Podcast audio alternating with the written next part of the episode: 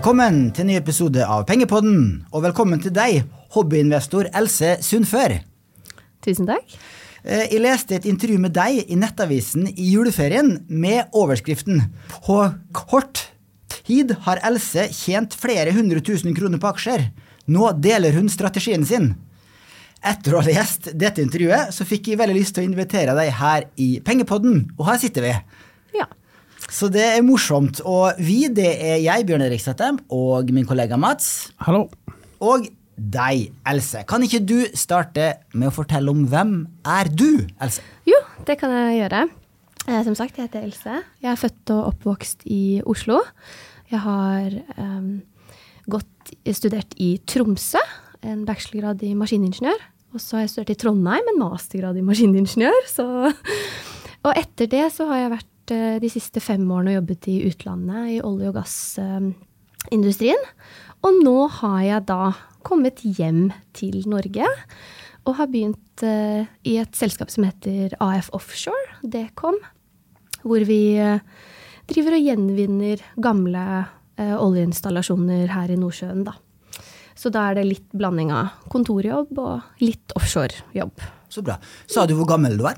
30. 30 år gammel. Og, og fått deg kjæreste òg, eh, Ja. leste jeg. Ja, det har jeg også. Jeg fant meg en kjæreste nedi, nedi Qatar. Uh, han er ikke fra Qatar, men han er fra Canada. Eh, og han har blitt med til Norge, da, så vi bor her på Ensjø i Oslo. Så bra. Og uh, hvordan ble du interessert i aksjer og investeringer? Du, jeg ble Jeg satt, eh, jeg satt på en, en plattform eh, i, eh, i Midtøsten, og vi hadde litt eh, nedetid på, på riggen og hadde ikke så mye å gjøre, så da satt vi inne i, i kabinen vår og pratet om alt fra A til Å. Og da var det veldig mye diskusjon rundt aksjer og krypto og gull og ETF og fond. Og, og jeg satt og Jeg har aldri tror jeg følte meg så blank i hele mitt liv, eller så dum, for jeg kunne ikke bidra til samtalen. Så det var, det var akkurat i det sekundet at jeg fant ut at dette må jeg også lære om. Og disse mine mannlige kollegaer da satt og 'Å, jeg har tjent så og så mye på det, og så og så mye på det', og, og da ble jo jeg litt Ja, men jeg vil også være med på det her, og jeg vil også investere pengene mine og kunne se avkastning, da. eh, På de pengene. Så det var der interessen kom for første gang. Sant? Og eh, når du jobber offshore i Qatar eh, med høy lønn og sågar skattefri lønn, eh, så har du jo litt å investere òg. Yes, det har vi. Så det var jo også en av Jeg satt jo med stort overskudd hver måned. Jeg fikk jo ikke brukt opp pengene, jeg var jo masse offshore. Så jeg satt jo med sparekontoer som var stappfulle. Så deilig, da. Ja. Fantastisk. Sånn har vi det ikke i Norge. Nei, nei. Enda mindre nå. Ja. Bra vi ikke har Roger her. Så hva- Men også har du en konto på Instagram. Du er aktiv der, hvor du legger ut eh, porteføljen din og diskuterer aksjer og sparing og fond. Eh, Du har jo Sa du at du har 10 000 følgere på Instagram? Snart. Snart 10 000. Og, og etter denne episoden her legges ut uh, nå på torsdag, i dag er det onsdag, så uh, kommer den til å bikke 10 000, er jeg Ja, ganske sikker på. det, det får vi håpe på. Vi får krysse fingrene. Sånt, ja. Hva er din erfaring med å være åpen med dine investeringer i sosiale medier? Um, jeg syns Man får jo selvfølgelig litt kritikk, da, ikke sant. Folk som har andre Ville gjort ting på en annerledes måte. Eller um, folk som ikke er enige. Uh, men det er liksom helt For min del så går det ganske fint. Uh, jeg syns at folk får lov til å ha forskjellige meninger, og folk får lov til å investere i forskjellige ting, fordi vi er forskjellige alle sammen. Um, men jeg tenker at jeg har lyst til å dele det, for jeg har lyst til å inspirere andre til å lage sine egne porteføljer og bygge sin egen formue, da, enten om det skulle være via eiendom, eller om det skal være via aksjer, eller om det skal være fond. Uansett hva det skulle være, da, prøv å bygge deg noe på egen hånd. Så det er, det er en konto som er for, for å inspirere, da. Ja. Og den kontoen på Instagram er Invest Norway. ja. Invest Norway. Gå inn og sjekk der. Eh, Og det er jo da fordi at eh, jeg investerer i mye norske, norske selskaper. Kan du også fortelle litt om eh, hvordan din investeringsstrategi har utvikla seg eh, underveis? Ja, eh, altså jeg kjøpte da min første aksje i mars 2020, og det gikk veldig, veldig bra. Som dere sikkert kan tro. Så jeg trodde at jeg var verdensmester på aksjer. Jeg. Innen september så tenkte jeg herregud, jeg kan slutte jobben, dette her kan jeg leve av. Hvis man, ja, hvis man tjener så mye da, på sånn kortsiktig trading. Så du starta altså helt i starten av korona, Ja. etter at Oslo Børs og verdens aksjemarked har falt 30% Ja, jeg var kjempeheldig med inngangen. Jeg hadde begynt med fond så vidt det var i, i november 2019. Og begynte å sette over faste beløp i fond. Og så brukte jeg fem-seks måneder på å lese meg opp på aksjer før jeg på en måte tok det steget da, og skulle kjøpe en aksje første gang. Så ja, jeg var veldig heldig med timingen på kjøp av første aksje. Det må jeg si. Og da er det jo lett å få øh, overdreven selvtillit. Åh, masse. Ja, masse. Så, eh, men så jeg har jo drevet og tradet en del da i 2020 og 2021. Eh, også nå i 2021-2022 så, så slo det meg at kanskje litt mer realistisk strategi er å på en måte investere lang, langsiktig da, og ikke gjette på innganger og utganger, men å heller kjøpe aksjer som du har lyst til å eie fordi du har lyst til å eie selskapet. Så strategien har liksom utviklet seg fra litt mer sånn kortsiktig trading til å bli eh, langsiktig trading, kanskje, i sykliske aksjer, og med stort fokus på utbytteaksjer, da. Ja. Ja. For da skal vi se litt på, øh, på øh, dagens portefølje, som du har sendt over, og som du også deler på Instagram. Eh, og der ser jeg overordna så har du eh, rundt 15% i fond. Du har rundt 5% i crowdfunding. Eh, 5 i kontanter. Og resten i enkeltaksjer, der hvor den største posten er utbytteaksjer på rundt 40% og så har du noe du kaller svingaksjer, altså sånne sykliske aksjer, da, antar jeg, eh, på 25% og vekstaksjer på 5-10% ja, stemmer.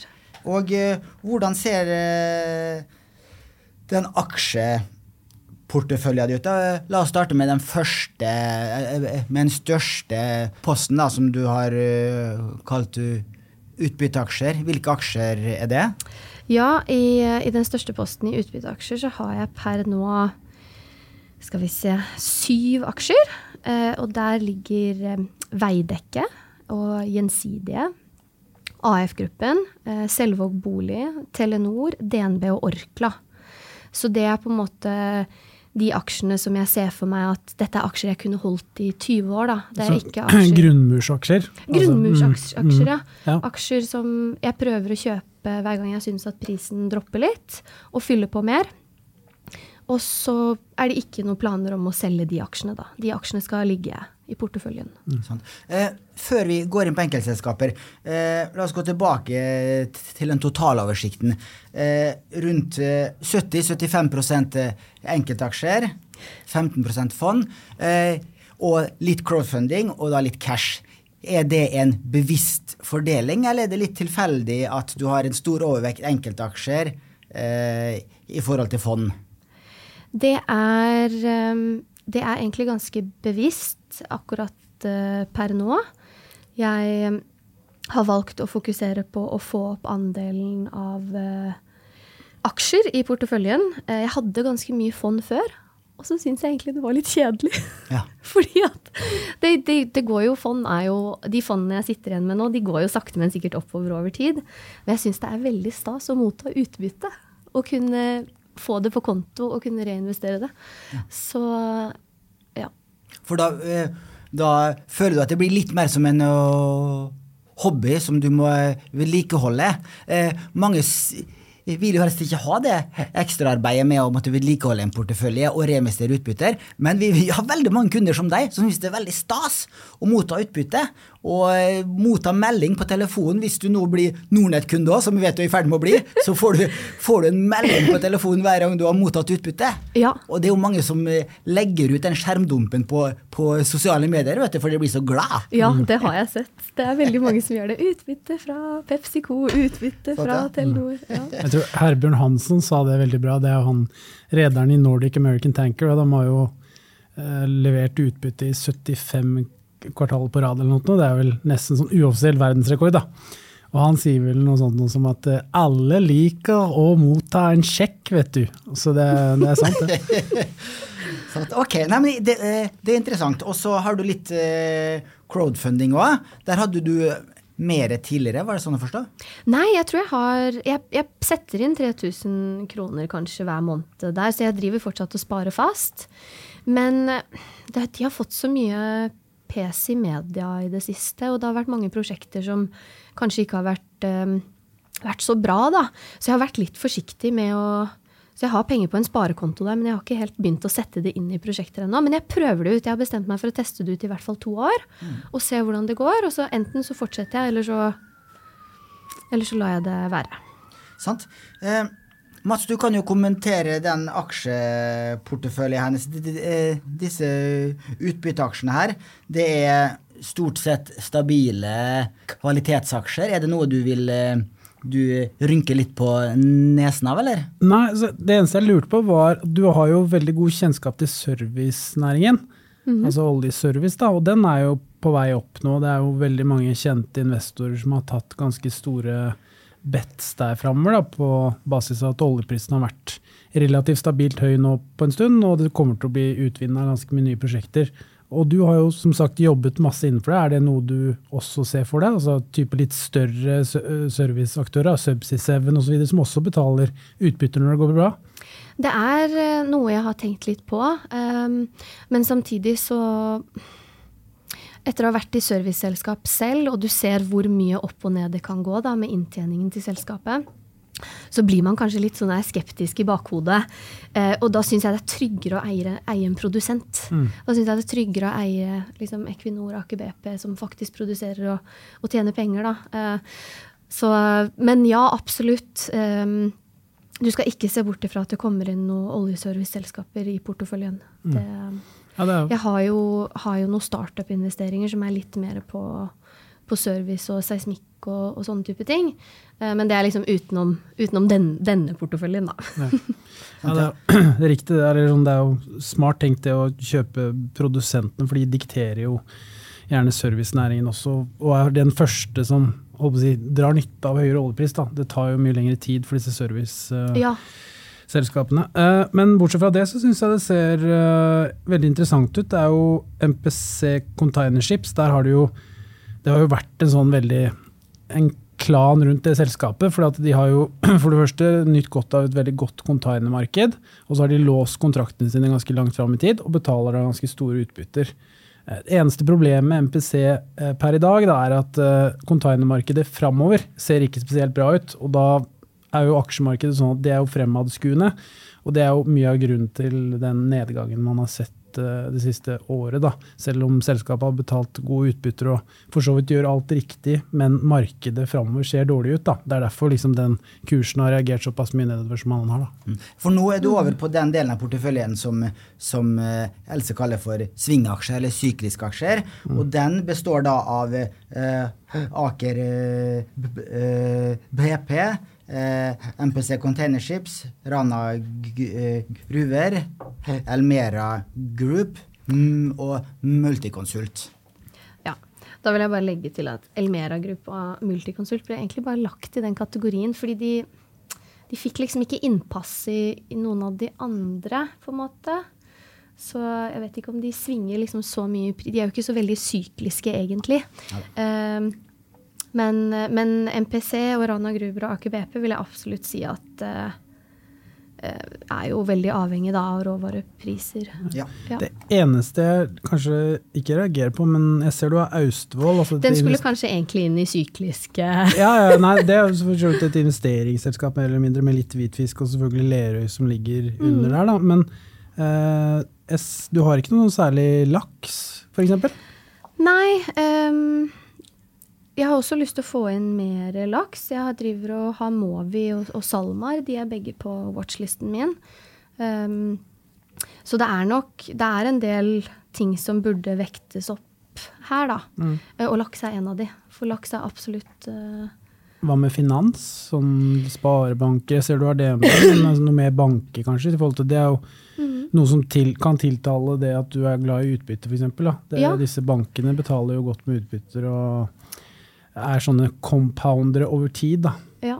Jeg har fulgt med en del på, på Storebrann, eh, som jeg vurderer å ta inn i porteføljen. Men jeg har liksom ikke Sparebankene har jeg vært litt sånn Jeg vet ikke. Jeg, har, jeg liker det ikke så godt. Og det, det har ikke noe med at de ikke tjener penger, eller Men jeg skjønner, altså DNB og Storebrand og Nordea og alle disse store bankene, har du liksom hørt om? Alle disse små sparebankene har ikke jeg noe særlig forhold til. På samme måte som kanskje noen som er fra litt mindre steder da, rundt omkring i landet. Ja, Nei, jeg skjønner. Det har jo vært, eh, hvert fall, De har hatt veldig god historikk veldig, over veldig lang tid. Og eh, her for et års tid siden så hadde vi jo Arne Fredli på besøk på Nordnett Live. Ja. Og han eh, har jo vært mangeårig stor investor i norske sparebanker. Og, og, og også en annen eh, milliardær, Svein Støle. Ja. Eh, som da er Pareto-grunnlegger. Han har også lagt sin elsk på sparebanker i veldig mange år. Og det var en artikkel her i Dagens Næringsliv for et par uker siden som viste eh, avkastninga til norske sparebanker versus eh, nordiske forretningsbanker og europeiske og amerikanske banker siste 10 og siste 20 år. Og sparebankene toppa lista både Oi, siste 10 og siste okay. 20 år. ja. Så, eh, og til veldig lav risiko i tillegg, da. Ja. Og så jeg vil absolutt jeg anbefale skulle- deg å se nærmere på de største sparebankene. da. Hva er de, Mhm. dine favoritter, Mats? Nei, du har jo SR-bank, det er jo blitt en sånn altså, Jeg skal ikke ta det her for komplekst nå, men det er jo såkalte gamle grunnfondsbevis. Da, så det er jo ikke en aksje i den Nei. grad. Det er jo uh, konstruert litt Egenkapitalbevis ja, heter det nå. det er konstruert litt annerledes. Men den største er vel SR-bank, det er jo for så vidt en aksje. Men så har du Midt-Norge, og så har du Sparebanken Vest, og så har du Sparebanken Nord-Norge. Så du har liksom flere av disse store regionene, da. Eh, Midt-Norge er jo stort, Nord-Norge er jo selvfølgelig stort, og så har du Vestland eller den Sparebank Vest. da. Eh, så det er jo på en måte de større, mm, tunge selskapene. Og hvis du skulle kjøpt noe, så ville jeg anbefalt en sånn type region, da, fordi kjøper du Sparebanken Sogn, så er det er det kjempehøye utbytter og alt mulig sånn, men omsetningen er en trikkebillett da, om dagen, så Ja. du kommer ikke inn eller ut. da. Nei. Så selv jeg føler meg som en hval i Sparebanken, altså, og da, da er det ille, for å si det sånn. Så Ja. Så de litt, eh, de litt større sparebankene. ja, for det er litt å- eh, likviditet uh, i forhold til det og, og handel, og så er det ikke minst at det er, det er vekst da, i de regionene. Det er ikke så lett uten forkleinelse for øvrig, men i Sogn så er det litt sånn satt da, i forhold til liksom, det, blir, det blir ikke San Francisco i morgen, for å si det på den måten. Nei. Mens uh, i de litt større regionene så er det jo vekst i boligpriser, og det er litt industri, og det er prosjekter som skjer osv. Ja. Eh, og så har du et par eh, selskap vi ikke har vært innom ennå. Du har eh, også eh, eh, Borregaard og Skatek, som ligger i den du kaller for eh, vekstaksjer. eh, og eh, Ja, da har vi vært innom alle enkeltaksjene dine, tror jeg. Så eh, eh, Elmera Group har vi snakka litt om før, for at det har jo vært en taperaksje. De luxe! Var det slik at du ville forsøke å eh, gripe en fallende kniv? Eller Ja. har du eid den så lenge at du fortsatt sitter med gevinst? Jeg har eid den så lenge. Jeg leste da, det var, det var noen år siden, Robert Ness han hadde en artikkel ute, i Finansavisen eller et eller annet, og Elmera Group, liksom knall aksje, og da tror jeg prisen var oppe i 80 kroner eller noe sånt nå. Så jeg har definitivt prøvd å falle en fangende kniv. Så jeg kjøpte da jeg tror jeg kjøpte Elmera for første gang ja, rundt 80, kanskje til og med 90 kroner. Ganske dyrt. Og kjøpte igjen på 70, og kjøpte igjen på 60, og kjøpte igjen på jeg tror 35 var siste gang jeg kjøpte. Og etter det så har jeg bare tenkt nei, nå får jeg bare lukke øynene og se hvordan det går, og la den ligge der. Men fulgte du med på mediesakene underveis? At de har vært kritisert Ja, av og de Forbrukerrådet? og- ja. ja, de fikk jo så mye kritikk. Og jeg syns liksom noe av utslaget på aksjekursen var litt tøft, vel tøft, da, ut ifra kritikken de fikk. Eh, men samtidig så er det sånn, ja ja, jeg kan ikke styre den aksjekursen Jeg tror de, det var vel i desember i fjor, så falt de vel De guida vel litt lavere inntjening enn forventa, tror jeg. Og da tror jeg de falt 30 på Ja. den dagen. Det husker jeg ganske godt, for jeg hadde det i min sånn nyttårsrakettportefølje. Så gikk egentlig alt veldig bra, men dagen etter jeg kom ut med den, så kom den der Elmera Nei. 30 ned eller noe, så den ødela ganske mye. da. Så Det, Ja. den, den merket jeg meg, for å si det sånn. Men det, jeg er helt enig at det var veldig sånn men da var det veldig mye bøss og veldig mye negativitet rundt i selskapet, så da var liksom alt negativt. da. Så kom de da med en ja, litt dårligere guiding enn forventa, og så falt de 30% eller noe, tror jeg på det. da. Ja. Eh, Og for de som ikke kjenner til Elmera Group, så er det tidligere Fjordkraft. Og eh, forvalt, First-forvalter Thomas Nilsen hadde jo det som en av sine favorittaksjer for et par år tilbake, og, og satt omtrent eh, hele veien ned. Og eh, solgte da i løpet av fjoråret, og da innrømte at det var en stor tabbe å sitte så lenge, da, mens hans eh, regnskapsmodeller viste grønt lys veldig lenge, og eh, til slutt så viste den da rødt lys, men da eh, hadde jo aksjen allerede falt veldig, veldig mye. Men eh, siste ord er ikke sagt der. Eh, vi hadde jo besøk av han eh, Langkrit-utbytteforvalteren, som også hadde Elmera Group, og han mente at nå var liksom alle skjelettene ute av skapet, så Ja. nå var det ikke så Han mye positiv. nedside igjen, da. Ja, han var positivt innstilt. Jeg har ikke troa på selskapet fortsatt, men eh, jeg har ikke peiling på aksjer, og jeg pleier ikke å slå indeksen heller, så ikke hør på meg. Jeg er best på langsiktig sparing med høy aksjeandel i globale indeksfond, jeg. Ja. Og ikke selge når det går eh, dårlig. Det Ja. er oppskriften på langsiktig god avkastning, egentlig. Ja. Men det er jo litt sånn som Er det ikke han der Charlie Munger som sier det, at du sår noen frø, og så er det noen som vokser, og noen som ikke vokser. Og kanskje Elmera Group ikke var den som ikke vokste. og så kanskje det er andre aksjer som kommer til å vokse og gjøre det bra. Du vil jo aldri få stang inn på alt, Nei. og i så fall så er det det dummeste som skjer, for da tror man at man er eller så uovervinnelig i markedet, og da kommer smellen på et eller Ja, annet tidspunkt. og det var jo sånn som jeg hadde det når jeg begynte i 2020. I september så var jo jeg verdensmester. Vi har alle da- vært der. Og da kom, vært det noen, da kom det noen smeller. Sant, ja. Og nå har du jo 15 aksjer i uh, porteføljen, og den største aksjen er jo eh, Telenor på rundt mm. 10 og den minste er faktisk eh, Elmera Group på 1% Det Ja. kanskje at den har falt så mye også. Ja. Sånn at eh, du har jo en god spredning, 15 ulike aksjer. Mm. Eh, hva tenker du på det antallet? Det er jo ganske mange aksjer. Eh, klarer du å følge med på alle?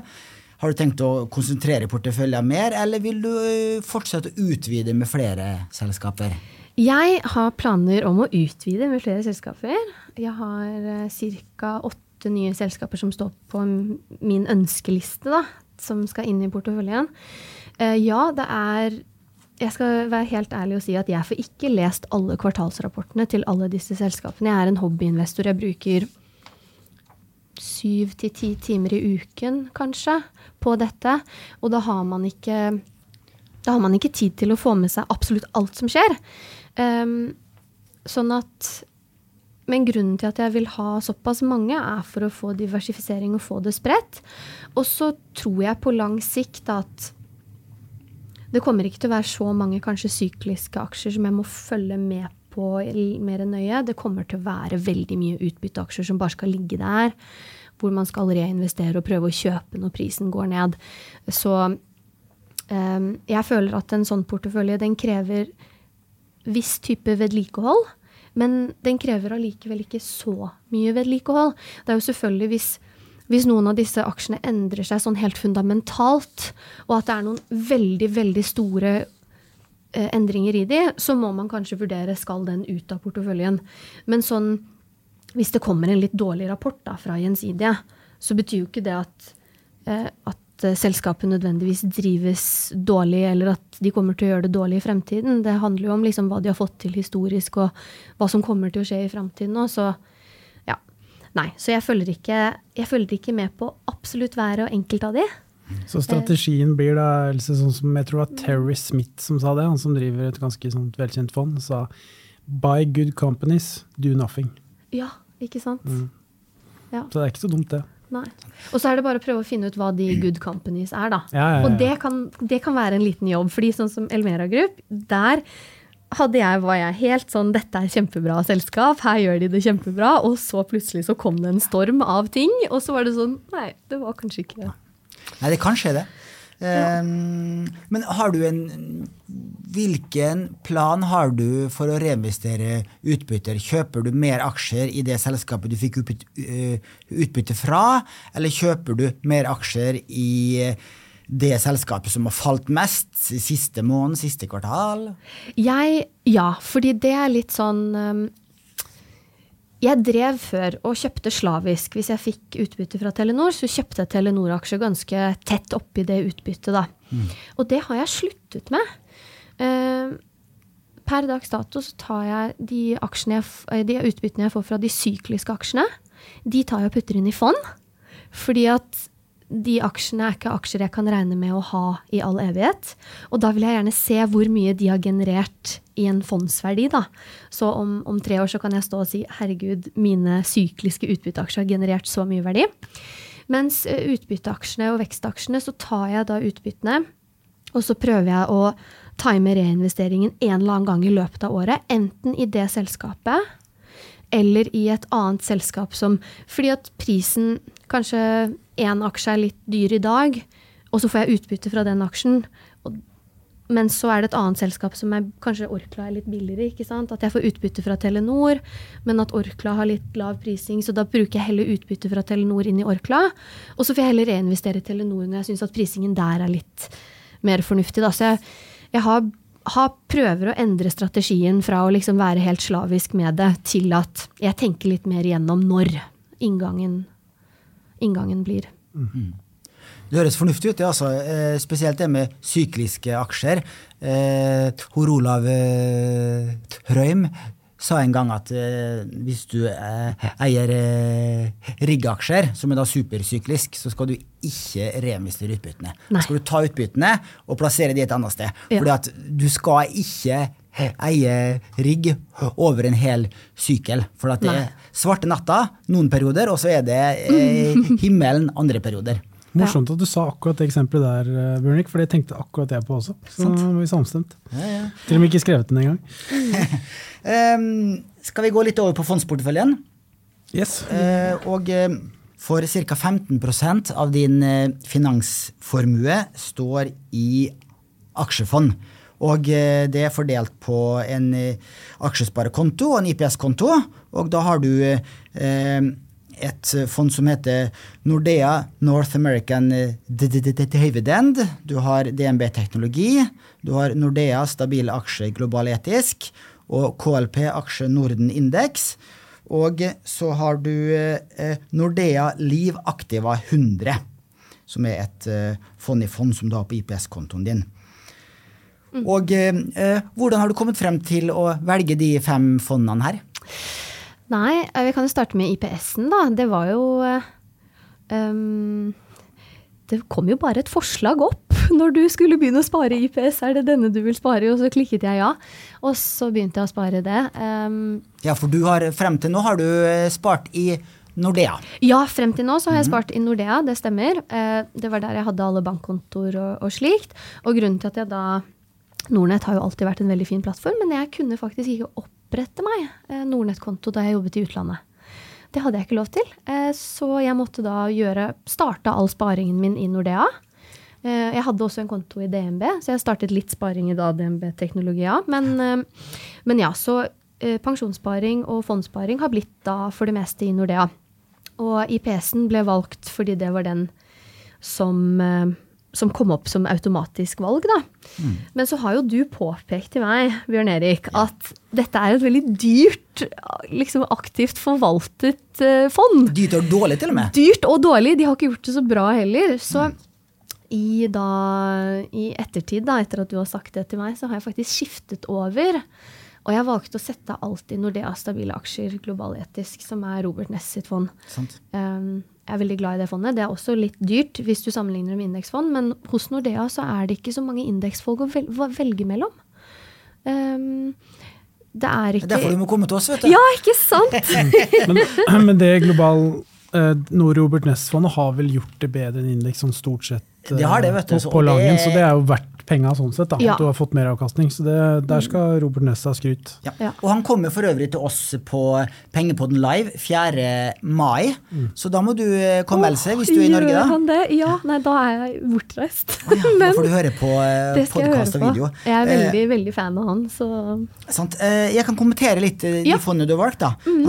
eh, Bortsett fra eh, dette Nordea Liv Activa 100, som da eh, Jeg sa til deg at det er et eh, dårlig aktivt fond, for det har, eh, det har tapt både mot verdensindeksen og mot sin Morningstar-kategori eh, alle de siste fem kalenderårene. Ja. Eh, og, og da er det ikke noe vits å ha et fond som koster 1,29 Nei. eh, når det har tapt hvert eneste kalenderår. Det er ganske få fond som gjør det, heldigvis. Så da er det fint at du har bytta ut det mot et bra aktivt globalt fond. Det er Nordea Stabile Aksjer Global Etisk, som er et av mine favorittfond også, som jeg har i min portefølje.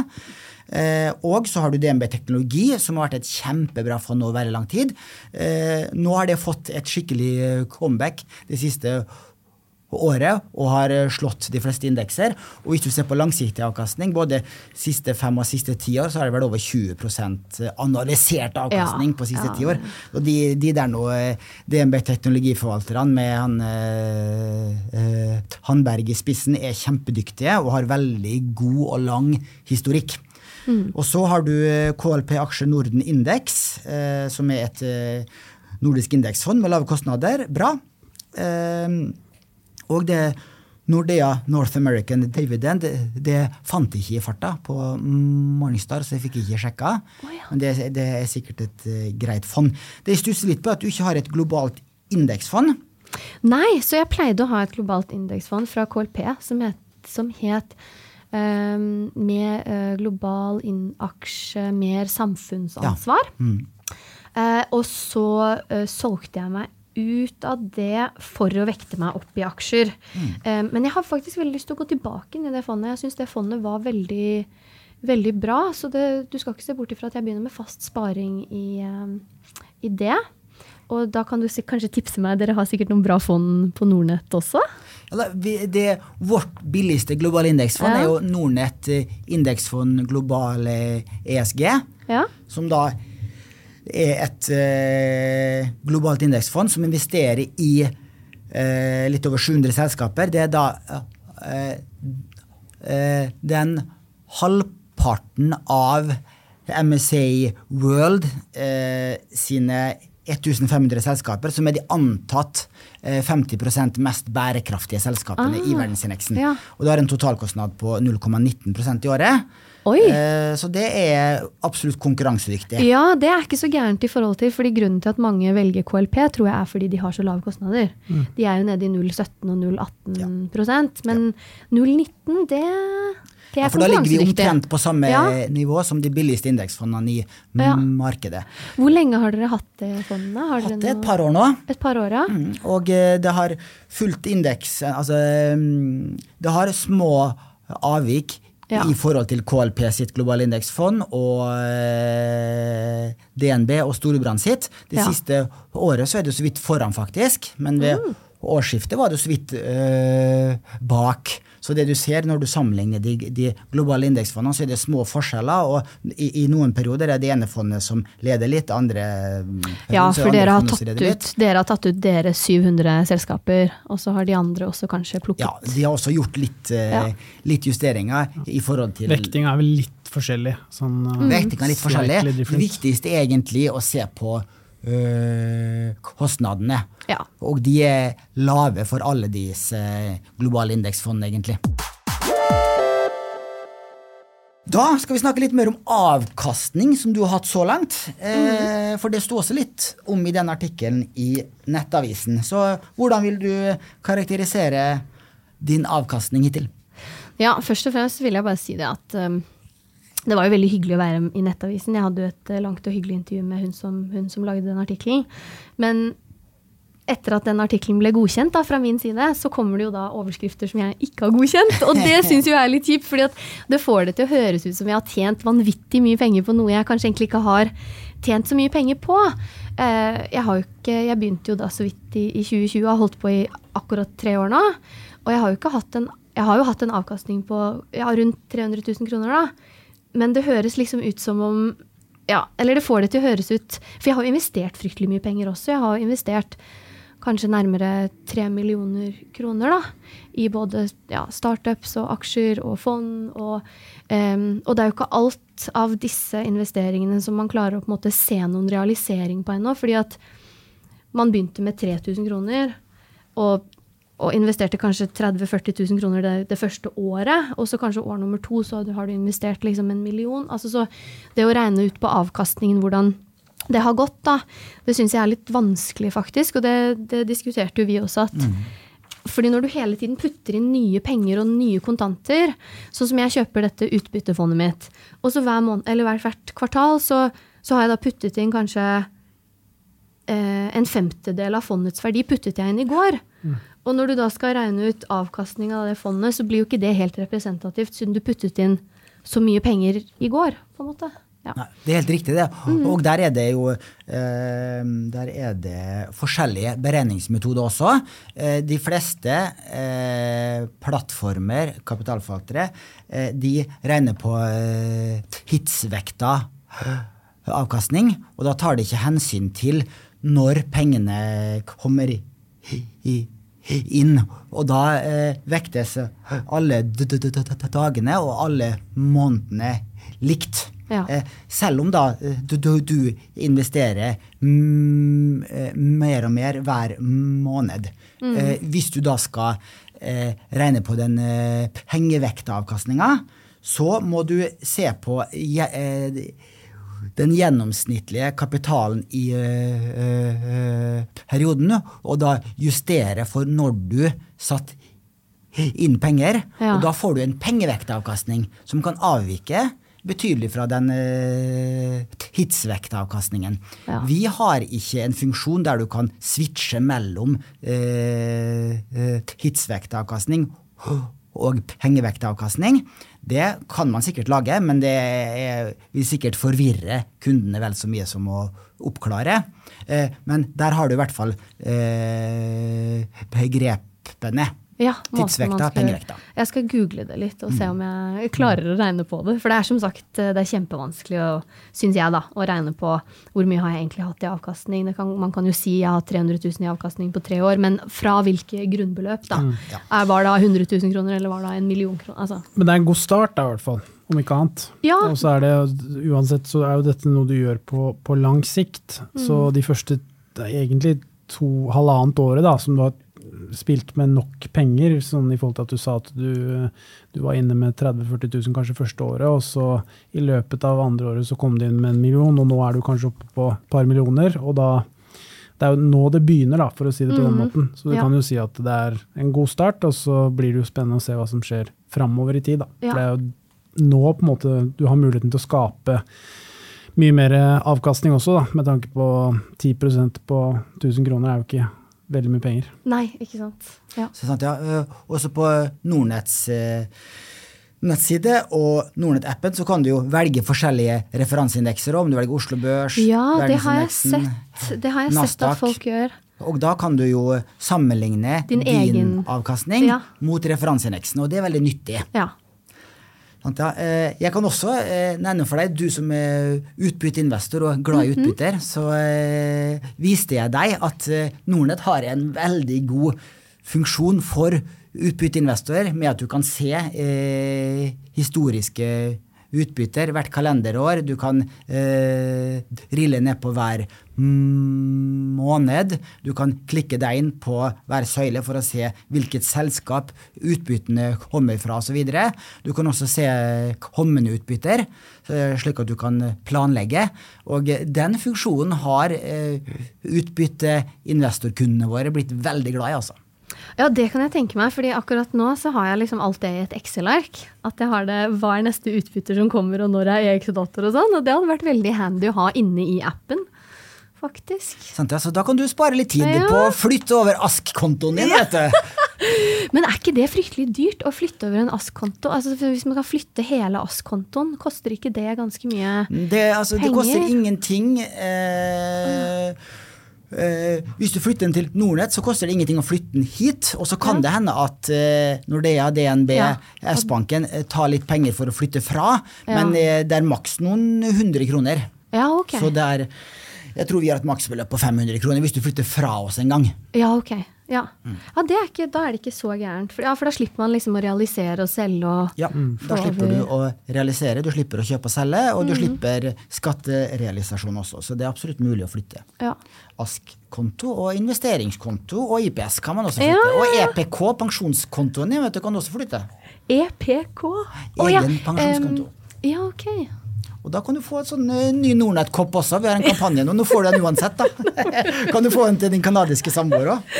Ja, ikke sant. Ja, det var nok salg. Ja, ja. Ja. Eh, Da skal vi gå inn og eh, Ja, vi skal snakke litt om hvordan du går frem når du skal finne en ny aksje for å ta inn i porteføljen. Fordi at du, du sa da at du hadde noen aksjer på watchlist. eh, kan du fortelle litt om hvordan du går frem eh, når du skal ta inn en ny aksje, og når bestemmer du for å kjøpe aksjen? Ja, det er jo alltid et interessant spørsmål. Jeg starter som regel med å um, plukke meg ut altså første, En av de første tingene jeg ser på, er faktisk direkte avkastning. Fra det siste året. Det er noe av det første som får meg til å legge merke til aksjen. At liksom, wow, disse betaler bra med utbytte. Men så skal man liksom ikke bare se på det, for det er så mye annet som er viktig å se på. Um, så etter, etter at jeg har sjekket hvor mye direkte avkastning det er, så ser jeg gjerne på hvor mye direkte avkastning de har hatt over tid. Um, har de generert samme type avkastning over tid, eller er dette bare et engangstilfelle? Ikke sant? Er det økende utbytter over tid? Det syns jeg er veldig artig. Og det trenger ikke å være at det sånn øker hvert eneste kvartal eller hvert eneste år, men at det er et gjennomsnitt da, over kanskje de siste ti årene som at det ser ut som en bra trend. Eh, og så skal det selvfølgelig være Jeg syns jo det er fint å ha litt størrelse på selskapene. At de har vært på børs en stund. At de har kommet seg kanskje gjennom flere forskjellige finansielle bumper her og der. Eh, og at liksom å titte litt på ja, nøkkeltallene til selskapene. Har det vært noe innsidekjøp? Har det vært noe innsidesalg? Eh, har aksjekursen steget over tid? Er selskapet i vekst? Reinvesterer de seg selv? Hvordan er utbyttepolitikken? De, er det i utbyttepolitikken at de skal betale ut en, en viss del av overskuddet i utbytte? Så det er liksom ikke noen spesiell formel for det, men man må liksom begynne å grave og prøve å hente ut all denne dataen da, og hente ut all den informasjonen. Og, um, så til slutt så er det gjerne litt nyheter om bedriftene og hvordan de har det, eller hvordan, hva slags mediebilde de har rundt seg. For hvis, sånn som vi lærte da fra Elmera Group, at hvis de har et veldig dårlig mediebilde, så kan det påvirke aksjekursen masse, masse. Så, og når jeg velger å, å kjøpe, kjøpe, det er et veldig vanskelig spørsmål, fordi det blir litt sånn eh, Ikke gjetting, men litt sånn Hva syns jeg er greit å betale den, for denne aksjen her, basert på kanskje hva slags avkastning den kan gi meg over tid. Og da må jeg se både på kanskje vekst de har hatt over tid, og utbyttevekst de har hatt over tid. Og, og da kan jeg kanskje bestemme meg for at ok, jo lavere pris du får, dess høyere direkte avkastning har du hvis de opprettholder utbytte, da. Så da blir det jo litt sånn å velge seg ok, er det 95 kroner eller er det 100 kroner, eller Og så går jeg kanskje inn da til 100 kroner, og så går kanskje aksjen ned, og så kan jeg da kjøpe litt mer og få høyere direkteavkastning på de. ja. Så det er, det er ikke helt lett det der å velge liksom når det er riktig pris for å kjøpe noe. Man, av og til så må man hoppe litt i det. Du må ta en sjanse, og du må gønne litt på. Og så får du se hvilken vei det går, og så får du fylle på deretter. Ja. Hva tenker du, Mats? Nei, jeg er for så vidt helt enig. Altså jeg, altså er, når du skal kjøpe en aksje, du vet jo aldri sånn du, du kan ha et bilde om når det er billig matematisk og sånn og sånn, men det er alltid vanskelig å vite sånn helhetsbildet. Da. Så man må jo ta et valg på et tidspunkt at nå synes jeg han ser billig ut pga. de og de og de faktorene som jeg legger eh, til grunn. Og så får man stå for det, da, og så finner man jo ut da, om noen uh, måneder eller et eller annet sånt om ting ser bra ut. Da. Men det er alltid vanskelig der å å vite, for det, ofte så kan man kjøpe aksjer som har gått bra i mange år, og så tenker man at herregud, nå kjøper jeg dyrt. på en måte, Sånne ting sliter jeg med, da, men så viser det seg å være kjempe, kjempebra likevel, for det er masse vekstpotensial og markedet liker det. Og så kan du kjøpe noen ganger du tenker at det er grisebillig, og så bare faller og faller. Så det er, mm. det er veldig vanskelig. Men det er klart, du minimerer jo risikoen jo mer du vet om selskapet. da. Så jo ja. mer du leser, jo mer eh, kall det jobb du gjør sjøl, mm. jo større sannsynlighet er det for at det skal gå bra over tid. da. Ja. Mm. ja og sånn som, du, eh, sånn som du eh, var inne på, det å se på den langsiktige utbyttehistorikken, og det at de har eh, eh, hatt et stabilt uh, overskudd over mange år, det er også et viktig poeng. fordi at hvis du bare rangerer mm. selskapene på Oslo Børs over hvem som gir høyest direkteavkastning, altså høyest utbytte i øyeblikket, og kjøper de aksjene, så er, har ikke det vært en god eh, langsiktig strategi. For ofte de aksjene som gir aller høyest utbytte, 20-30% i året, er jo noen som gjør, de er veldig sykliske aksjer sant, som går kjempebra i en kortere periode, og så går det nedoverbakke om ikke så lenge. Og de skal man egentlig være forsiktig med, de som gir 20-30% utbytte, ja, for det er jo ikke bærekraftig. Nei. Nei. Jeg har sett faktisk at dere har en liste på Nordnett over hvem som har høyest direkteavkastning, og der tror jeg MPC topper listen. Men det er veldig farlig hvis du er helt ny eh, som aksjeinvestor, på en måte bare gå inn på den listen og begynne å kjøpe slavisk. At du ikke vet hva disse selskapene holder på med, eller hvordan de Det er kjempe Ja, det er veldig risky. Ja, nå er jo jeg aksjene, noen av disse aksjene selv, da. Men så håper jeg og tror jeg at jeg vet hva jeg holder på med. Og, Sant. Viktig poeng. Eh, hva er det du er mest fornøyd med da, i din eh, treårige investorkarriere? Ja, i min karriere? Um, jeg er egentlig bare veldig fornøyd med at jeg startet, et, at jeg startet å ta grep om økonomien. Og at um, uh, Jeg vet ikke, jeg fikk jo da litt hjelp av mor, hun er siviløkonom, og jeg fikk jo litt hjelp av Nordea da, til å liksom begynne å investere i fond og sånn. Men jeg er veldig glad for at jeg selv tok uh, begynte å tilegne meg mye kunnskap på egen hånd, og at jeg fikk en sånn interesse for min personlige økonomi. Um, så bare det å starte et eller annet sted, det vil jeg på en måte kanskje anbefale alle å gjøre. Om det er liksom en 500-lapp i måneden inn i et eller annet fond, eller om det er noe annet. Uh, men å starte er det viktigste, for du må Det blir litt som å kjøpe, da. Hvilken pris skal du kjøpe til? Du må ta en sjanse på et eller annet tidspunkt og, mm. og gå inn og kjøpe den. Du må ha litt Eh, jeg skal ikke si baller, da, men du må ha litt guts, liksom. Eh, og det blir jo sånn med fondssparing òg. Det ser kanskje skummelt ut, men du må bare starte på et tidspunkt. Så det er kanskje det jeg er mest fornøyd med, at jeg bare startet. At jeg ikke så meg tilbake. Men hva gjorde du før det, Else? Altså, du, for du tjente jo bra med penger, jobbet mm. i utlandet skattefritt, helt nydelig, mm. for å presisere det.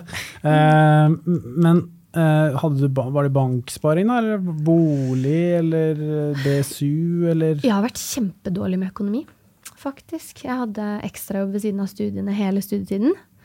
Og jeg tjente sikkert 10 000-15 000 i måneden på ekstrajobb. Altså i tillegg til studiestipend så hadde kanskje 20 000 i måneden. Og jeg levde et rikt studentliv. Og jeg reiste masse, og jeg var masse ute og festa. Så jeg kasta bort alle pengene mine. Ja. Det var det jeg gjorde. Mm. Og um, da jeg begynte da i, i Slumberger i, i, Qatar, så gikk det et år. Um, og da sparte jeg da på bankkontoer. Og så sparte jeg opp til egenkapital til bolig. Eh, men, men, før jeg startet i 2019, eh, så var det gikk, gikk pengene, da. Ja. Til fine ferier eller nye klær eller Livet. Livet. Ja. Mm -hmm. Og så, når jeg da fant ut herre, man kan tjene så mye på å på en måte investere disse pengene fornuftig etterpå i livet, da. Altså ikke akkurat her og nå. fordi at jeg tror ikke det at man kan bli rik over natten og ja, vinne i Lotto og alt det der på aksjer. Men jeg tror at det jeg velger å gjøre nå, det kommer til å uh, bli bra senere, da. Bli veldig bra senere. Så prøver liksom å leve litt minimalistisk og så bra. Så du har gått fra det ene ytterpunktet, hvor du da ja. var en eh, mm -hmm. sløser og en eh, mm -hmm. big spender, over til en skikkelig eh, onkel Skrue. Ja. Og fire-bevegelse, nesten. Ja, nesten litt sånn mm. fire-bevegelsen. Mm. Um, men, men har, har, du kjøpt eh, Eller har du kjøpt deg leilighet nå? Ja, jeg kjøpte meg leilighet for et par år siden. Da bodde jeg fortsatt i utlandet. Og den leide jeg ut inntil nå, i desember. Og så har jeg flyttet inn i den selv, da. Ja. Sammen med kjæresten. Så bra.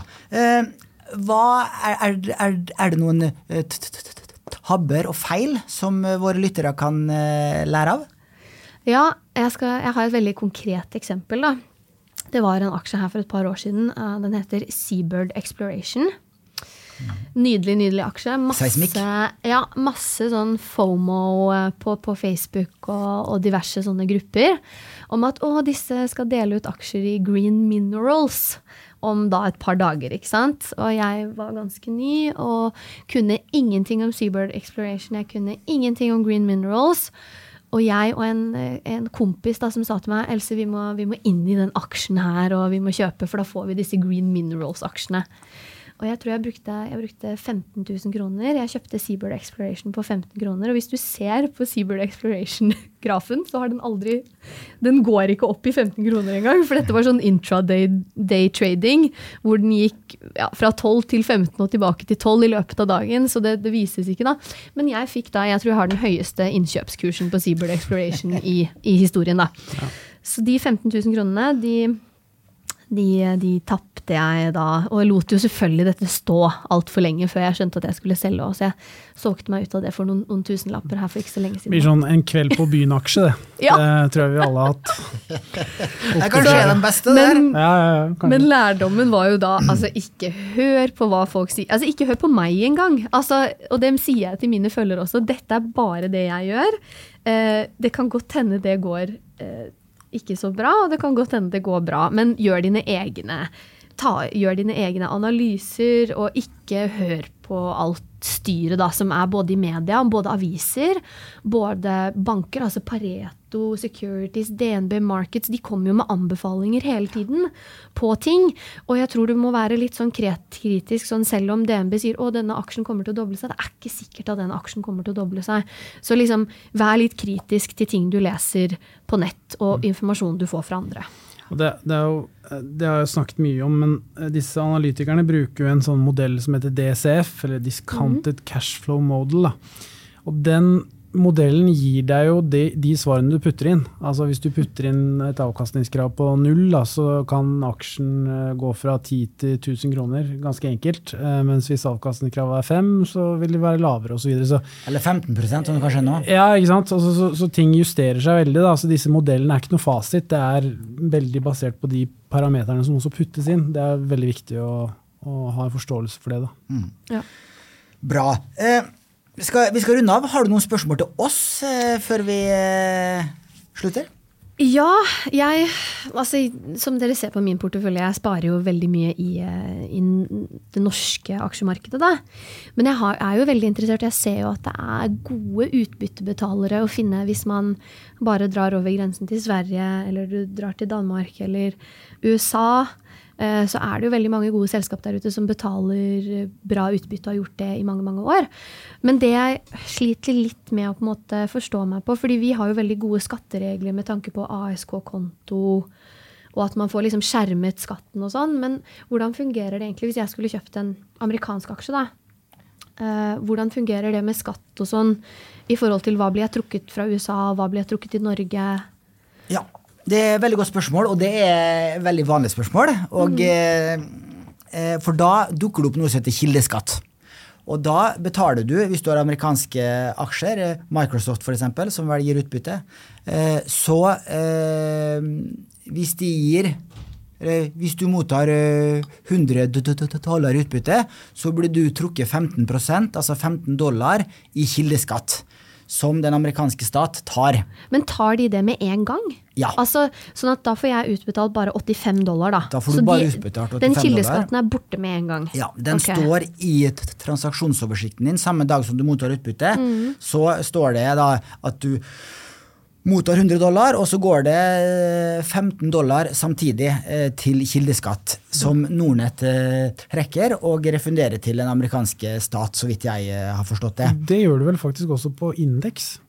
På indeks, eh, altså på Nasdaq-indeksen, eller hvis du kjøper den rene indeksen. da. Eh, hvis du kjøper en eh, ETF Ja. som gir utbytter, ja. Ja. Hvis du kjøper en eh, Det er riktig, hvis du kjøper en utenlandsknotert ETF, ca. halvparten av våre ETF-er, vi har 1400 ETF-er på plattformen, Ja. nesten halv, halvparten av de gir utbytte. Og også det utbyttet du får fra amerikansknoterte ETF-er, der trekkes du kildeskatt. USITS-noterte ETF-er, altså som er notert i Europa, der trekkes du som hovedregel ikke kildeskatt. Der gjøres opp kildeskatten hos forvalteren. Og, eh, så det er faktisk en eh, liten nyanse som jeg ble klar over ganske nylig, at USITS-noterte ETF-er, hvis du kjøper en eh, dividend-ETF, som er da notert i eh, eh, Tyskland f.eks., som det står eh, USITS bak, så betaler du normalt ikke kildeskatt. Eh, Men tilbake til det amerikanske eksempelet ditt. Ja, du blir trukket kildeskatt. Og da er det avhengig av kontotypen for om du får refundert denne kildeskatten eller ikke.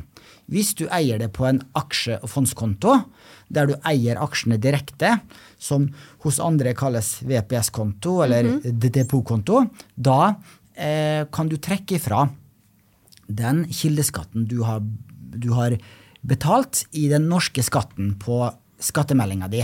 Eh, For det må man gjøre hvert år. ikke sant? Ja, det er på sånn vanlig fondskonto hvor du må betale skatt med en gang. Det er riktig. Ja. På en vanlig aksje- og fondskonto, som det kalles her i. Nordnett. Ja. Eh, hvis du eier aksjen på en aksjesparekonto, Mhm. det kan du ikke på amerikanske aksjer, da, men hvis du har en eh, europeisk aksje, så kan du eie den på en aksjesparekonto. Ja. Men dere har jo også noe som heter en sånn IKZ. Ja, Vi har også en konto. investeringskonto, Ja. investeringskonto Zero. Der kan du eie amerikanske aksjer. Ja. Mm. Men der blir du også trukket kildeskatt. Og der finnes det dessverre ingen ordning per i dag hvor du kan få refundert denne kildeskatten. Ah.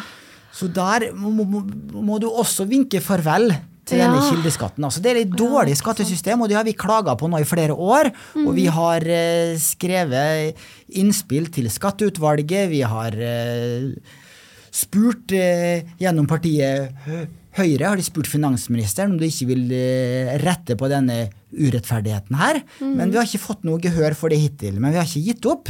Men eh, da tipset mitt skal du eie amerikanske aksjer, så gjør det på en aksje- og fondskonto. Da Ja. kan du få refundert kildeskatten Ja, hvert år. hvert år. Eh. Men da skatter du også på utbyttene med en gang? Da, Da skatter du på året. utbyttene med en gang, så Ja. du får ikke utsatt skatt på utbytte. Og hvis du selger aksjer med gevinst, Ja, så, så må du skatte ja. av gevinsten løpende. Ja. Ok, nei, men vet du hva, det skal jeg ta med meg. Og så skal jeg sette opp. Hva, hva tror du lønner seg da? Altså, er det det som lønner seg i lengden, selv om du da må skatte direkte? Ja, du ja, har regnet på det. det. Ja. Da, eh, hvis du kjøper utbytteaksjer eh, i USA eh, eller Europa, så lønner det seg nok med en aksje- og fondskonto og skatte av utbyttene Ja, løpende. løpende. Eh, hvis du kjøper vekstaksjer som ikke gir noe særlig utbytte, da er den utsatt skatteeffekten større. Eh, det at du slipper å betale eh, skatt hver gang du eh, selger en aksje med gevinst. Da er den viktigst. Så da kan det lønne seg å ha en IKZ-konto? Da kan det lønne seg å ha en IKZ-konto. Ok. Dette er veldig Dette er valuable information, altså. Mm. Så bra. Nei, men da tror jeg vi runder av med de eh, rådene der. Og masse lykke til videre, Else. Tusen takk. Og tusen takk for at du kunne komme. Ja, tusen takk for at jeg fikk komme. Det har vært veldig stas å være her. Så høres vi igjen om en uke. Ha det bra. Ha det. Ha det.